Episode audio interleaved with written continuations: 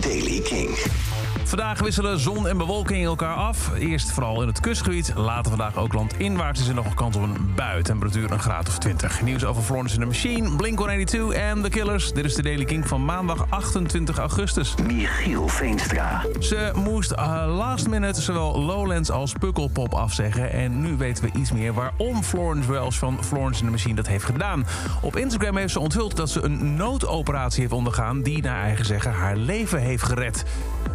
Het heeft dus niet te maken met haar eerder gebroken voet, waar ze al een post mee kantte, maar een, ja, een levensreddende operatie waarover ze verder niet wilde uitweiden. Wel vertelde ze nog dat ze de laatste twee shows van haar wereldtour in Lissabon en Malaga volgende week doorgaan. En ze sprak ook over de betekenis van creativiteit en mythologie in haar leven, verwijzend naar het thema van Dance Fever. Blink-182's nieuwe album komt mogelijk al heel snel uit, al dus Tom DeLong. Dit weekend heeft hij aangekondigd dat het nieuwe album en de bijbehorende muziekvideo's slechts enkele weken of dagen van ons verwijderd zijn, hoewel er nog geen exacte release datum of verdere details worden gegeven. Eerder dit weekend deelde DeLong ook al een foto van achter de schermen van een videoclipopname op Instagram. En vorige maand noemde hij het aanstaande album nog een beste album tot nu toe, waarvan we nu alleen nog maar de single Edging kennen. En over een paar weken staat Blink-182 gewoon in Nederland.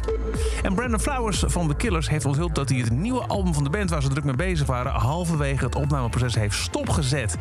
Ondanks dat The Killers vorige week de nieuwe single Your Side of Town hebben uitgebracht, voelt Flowers dat dit niet het soort muziek is dat hij in de toekomst wil maken. Hij zit in een soort van muzikale midlife crisis.